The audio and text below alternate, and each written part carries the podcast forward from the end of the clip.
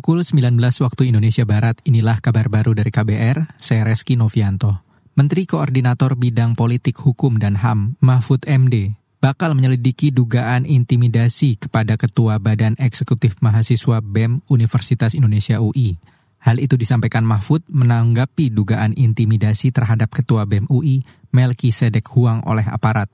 Intimidasi itu diduga diterima setelah ia mengkritik putusan Mahkamah Konstitusi MK soal syarat pencapresan. Itu pelanggaran atas asas profesionalitas dan itu tidak boleh terjadi di negara kesatuan Republik Indonesia yang punya konstitusi yang sangat ketat. Baik milki maupun orang tuanya harus dilindungi. Tetapi mungkin saja yang mengintimidasi milki maupun orang tuanya milki kalau itu hanya dengan telepon mungkin saja sesama warga sipil mungkin kan. Jadi belum tentu aparat. Nah, oleh sebab itu saya akan mengirim tim ke sana karena kalau ini dibiarkan tuh nanti akan terjadi lebih lanjut.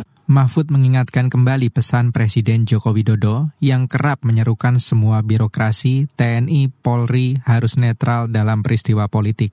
Sebelumnya, Ketua BEM UI Melki Sedek Huang mengaku rumahnya didatangi sejumlah aparat TNI Polri belakangan ini. Diduga itu terjadi setelah ia mengkritisi hasil putusan Mahkamah Konstitusi MK. Kata dia, intimidasi itu tidak hanya datang ke dirinya, tapi juga pada keluarganya. Beralih ke informasi lain, Kepala Kantor Staf Presiden KSP Muldoko membantah pengusulan Kepala Staf TNI Angkatan Darat Kasat Agus Subianto menjadi calon Panglima TNI lantaran terkait kepentingan Presiden Joko Widodo. Ia mengaklaim tidak ada tendensi lain yang memengaruhi pengangkatan calon Panglima TNI.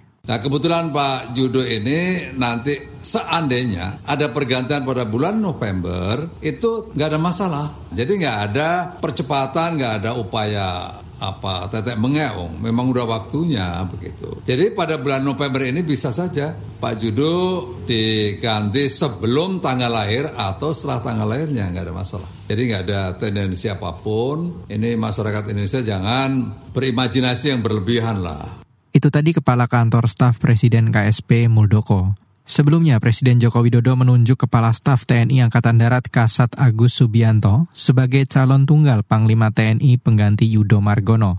Agus diusulkan tak lama setelah baru diangkat menjadi KSAD. DPR akan melakukan uji kelayakan dan kepatutan kepada calon Panglima TNI pada pekan depan. Kita ke daerah. Kepolisian daerah Jawa Tengah memprioritaskan pencegahan tindak terorisme selama pemilu 2024.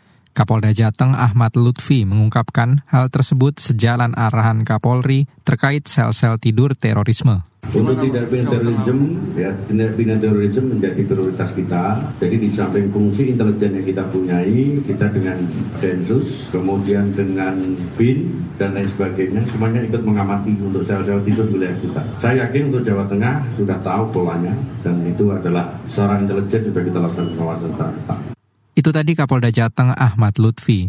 Sebelumnya, Densus 88 Anti Teror Mabes Polri menangkap 59 terduga teroris di sejumlah daerah belum lama ini. Mereka diduga merencanakan aksi teror untuk menggagalkan pemilu 2024. Pukul 19 waktu Indonesia Barat, inilah kabar baru dari KBR, saya Reski Novianto.